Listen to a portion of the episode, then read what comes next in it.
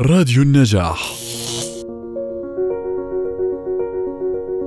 لا يهم ما تفعله لمحاولة إخفائه، فسوف يعود لك مجددا إن لم تحاول علاجه، فعالجه ولا تختبئ خلفه. مساء الخير عليكم مستمعين الفخمين على راديو النجاح، نتمنى لكم أوقات سعيدة ولطيفة وجميلة كجمال قلوبكم، وما كنتوا بنرحب فيكم بالحلقة الثانية من برنامج تقول الأسطورة. معكم من أمام المايك رهف الخياط. وحسام الإبراهيم. الله يمسيك بكل خير يا رهف وتحية كبيرة قد الدنيا لكل مستمعي راديو النجاح والأصدقاء برنامج تقول الأسطورة. أما كيف حالي يا رهف؟ فأنا حزين جدا جدا. الدنيا مسكرة بوجهي لا عارف أنبسط ولا قادر أنجز. باختصار أنا مش عارف أعيش وبدور على حل ومش ملاقي. ولا عارف أوكل ولا أشتغل ولا حتى أنام. العالم برا بخوف كثير. ما بعرف كيف أتعامل معهم. دورت ودورت وما لقيت حل. بعدين تأكدت أنه ما في حل أصلا. هذا مش كلامي ومش عيب يكون كلامي. هذا يا رهف جواب صديقي بعد ما سألته كيف حالك؟ فحالك يا صديقي هو حالنا كلنا. صحيح يا رهف أنت كيف حالك؟ الحمد لله بألف خير. طبعا الحمد لله على كل إشي. بس كلمة الحمد لله كويس أنا بخير منيحة. صارت جواب مغلف لأي سؤال. وما في أي مشكلة لو كنا صادقين مع أنفسنا وحكينا بكل صدق وأمانة. كيف حالنا بدون أي مثالية أو تصنع؟ التصنع وادعاء المثالية يا رهف صنعان ما بينكشفوا والإنسان اللي دايما بيكابر رح يجي وقته وينهار ومجتمعنا قاعد بيكابر وبيكابر على حاله. بس ما في حدا بيعرف متى رح ينهار. لكن الكل صار متأكد إنه الإنهيار قريب كثير كثير. تتفقي ولا بتختلفي رهف؟ القاعدة اللي لازم ندركها ونتعلمها يا حسام إنه إنكار المشكلة والهروب منها لا يعني حلها وإنما مضاعفتها. مستمعينا الكرام إحنا بنحكي عن المرض رقم واحد عالميا. أكيد ما بنحكي عن السرطان أو السكري إحنا بنحكي عن البركان الصامت المرض النفسي. النفسية محتاجة الأكل وتمشية.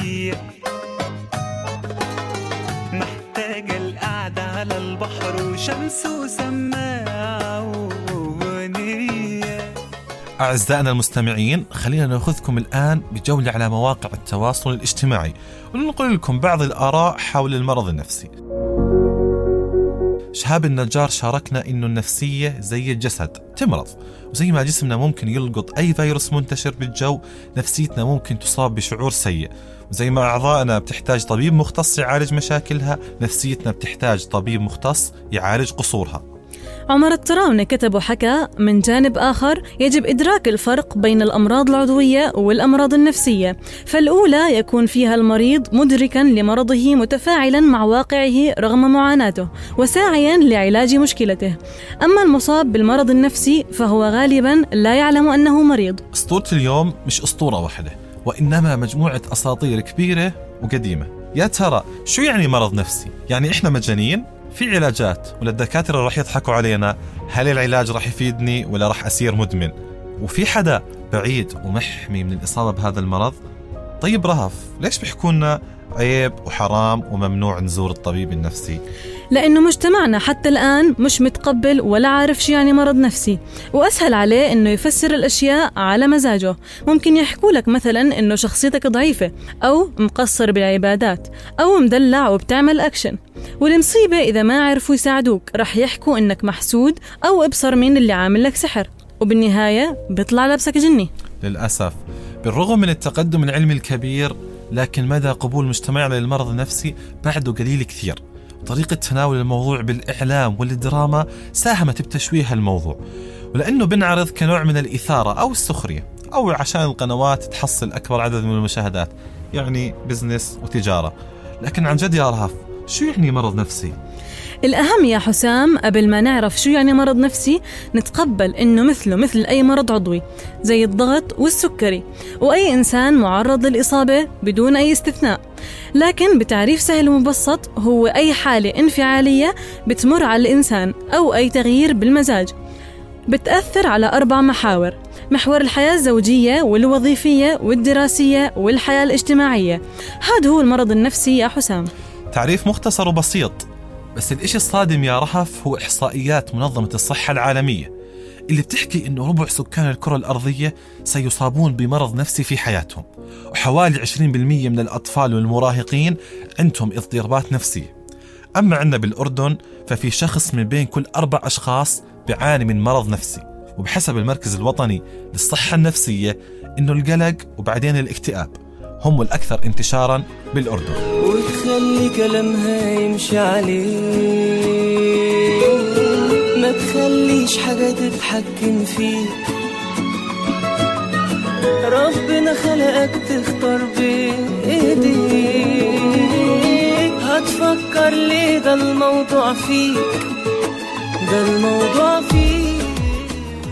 مرض مثل الاكتئاب يا حسام هو الأول عالميا ب 300 مليون مصاب حول العالم. بتبدأ 50% من أعراض المرض النفسي بسن ال 14 وبتختلط مع أعراض المراهقة وبتزيد الموضوع سوء. و50% من الأعراض بتبدأ بسن ال 23 أما عن أسباب المرض النفسي فأهل الاختصاص بيحكوا إنه من أبرز وأهم الأسباب هي العوامل الوراثية يعني الجينات. فمثلا لو أحد أفراد عائلتك مصاب فراح تكون عندك قابلية بنسبة 10% للإصابة. لو التوأم غير المتطابق مصاب ففرصة التوأم الآخر للإصابة 25% وأما إذا كان التوأم المتطابق مصاب فنسبة إصابة التوأم الآخر قد تفوق ال 50% وكمان يا حسام الحياة والضغوطات هم من أهم الأسباب.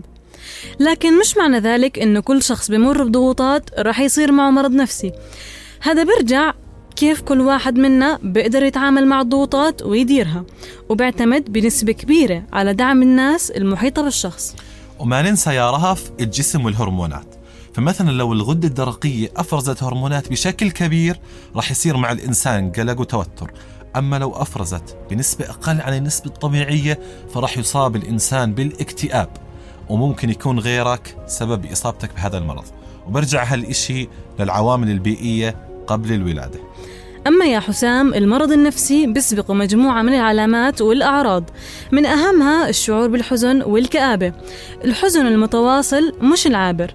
طبعا مع تفكير مشوش وصعوبة بالاستيعاب وانعزال كبير مع تعطل الحياة الاجتماعية وفقدان الدافعية. كمان يا حسام من أخطر الأعراض التفكير بالانتحار. والشعور بعدم الأهمية مع اضطراب ومشاكل كبيرة بالأكل والنوم. الأعراض كتيرة ومتنوعة لكن هي أهمها يا حسام مهم جدا يا راف بعد ما عرفنا مجموعة الأعراض نعرف مجموعة عوامل تسمى بعوامل الخطر. والأهم نتجنبها ونبعد عنها أو نعرف كيف نتعامل معها لأنها ممكن تزيد الطين بلة. أهمها الضغوطات ومشاكل الدماغ والحالة الطبية للمريض ممكن تسبب مشاكل أكبر خصوصا إذا كانت مشاكل عقلية. وتاريخ الطفولة والذكريات الأليمة بتساهم بشكل كبير جدا. أسطورة اليوم يا حسام بتحتوي على مجموعة من التصورات الخرافية وأولها أنه المؤمن الصادق لا يصاب بالمرض النفسي.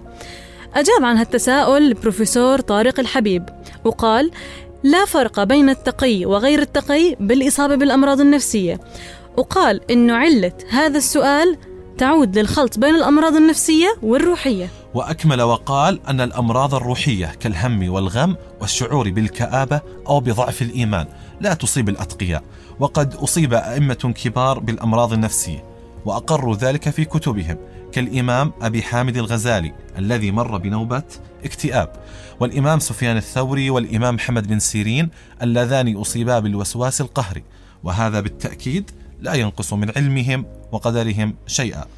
الخرافة الثانية هي إنه المرض النفسي مرض روحي وهذا خطأ لأنه إحنا ما بنقدر نخوض بهيك أمور لأنها أصلا غير موجودة وخارج نطاق فهمنا وهي من الغيبيات أصلا وما في أي جامعة مقدرة بتدرس الروح لأنها فوق إدراكنا. الخرافة الثالثة يا رهف هي أنه تلبس الجن هو سبب الأمراض النفسية. لكن بالحقيقة والعلم لم يتم رصد أي حالة نفسية تسبب الجن بحدوثها. وكل الحالات اللي بتصرخ أو بتتشنج هي مجرد استجابة هستيرية بسبب الإيحاء واقتناع الإنسان إنه مسحور مع تغلغل هالفكرة داخل مجتمعنا. الخرافة الرابعة يا حسام إنه العلاجات النفسية بتسبب الإدمان وهالإشي برضه خطأ لأنه عدد علاجات المرض النفسي أكثر من 100 دواء. 10% من العلاجات بتحتوي على مواد الإدمان الأطباء ما بيستخدموها أصلا إلا مؤقتا وعند الضرورة وبجرعات مناسبة. الخرافات كثيرة يا رهف في مجال المرض النفسي. ومن يدري بما هو آت فلا تحزن على ما فات. وإن ضاقت بك الدنيا فدندن هذه الكلمات لكن اللافت للنظر إنه مع كل جريمة لازم يحكوا عن الجاني إنه مريض نفسي مع إنه وفق الأرقام 95% من مرتكبي الجرائم أصحاء نفسيا وحتى المريض نفسيا إذا ارتكب جريمة لا يعفى من العقوبة إلا إذا ثبت حدوث مشاكل عقلية أثرت على قراره. زي ما حكينا ببداية الحلقة ومع قرب نهاية أسطورتنا اليوم المرض النفسي مش عيب ولا عار ولا حتى حرام وما بيروح لحاله.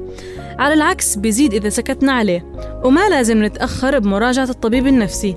وللأسف في الأردن نسبة اللي بتلقوا علاج مناسب من 5 ل 10% وللأسف كمان 60% من الناس ما بيروحوا للطبيب خوفا من المجتمع.